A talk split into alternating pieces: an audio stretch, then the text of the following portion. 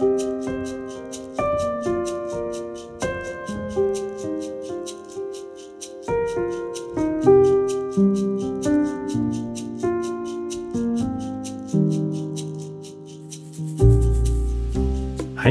du lytter til Spires pod, og navnet mitt er Vidar Mæland Bakke. I vår håpsordserie ser vi for tiden på Salme 23, og jeg leser fra boka mi Gi mine øyne lys. Gudsbildet som sprakk. Om jeg enn skulle vandre i dødsskyggens dal, frykter jeg ikke noe ondt, for du er med meg. Din kjepp og din stav, de trøster meg. Salme 23, vers 4. Salme 23 avslutter med ordene Bare godhet og miskunn skal følge meg alle mine dager. Kan det tenkes at første utkastet til Salme 23 var uten både dødsskygger og fiender? Så gjerne vi skulle ønske at livet var slik.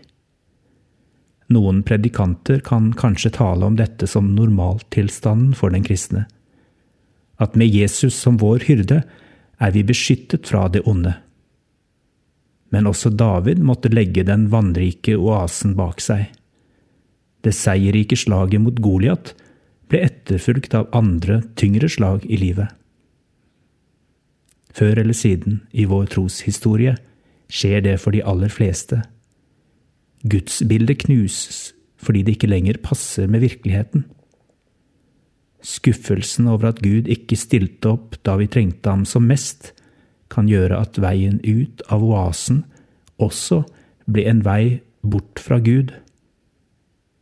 Det er trist å oppleve at mennesker slutter å tro på Gud og glir bort fra fellesskapet når en livskrise inntreffer. I mine depressive faser har jeg tenkt at jeg kunne komme til å gå den samme veien. Og tanken har ofte streifet meg at jeg bare har vært heldig som har fått lov til å beholde troen på Gud. Jeg ønsker ikke å romantisere ørkenerfaringene på noen som helst måte, men det finnes ofte muligheter gjemt i våre livskriser.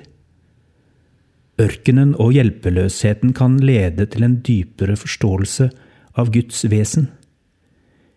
En Gud som verken beveger seg selv eller oss utenfor oasen, er en liten Gud, skapt i vårt eget bilde. Derfor må det kristne fellesskapet også tåle å følge mennesker i ørkenen. Også dødsskyggene er en del av Guds verden. Troende, tvilende, roper vi i trass og erfarer i glimt hva det gamle ordet forteller.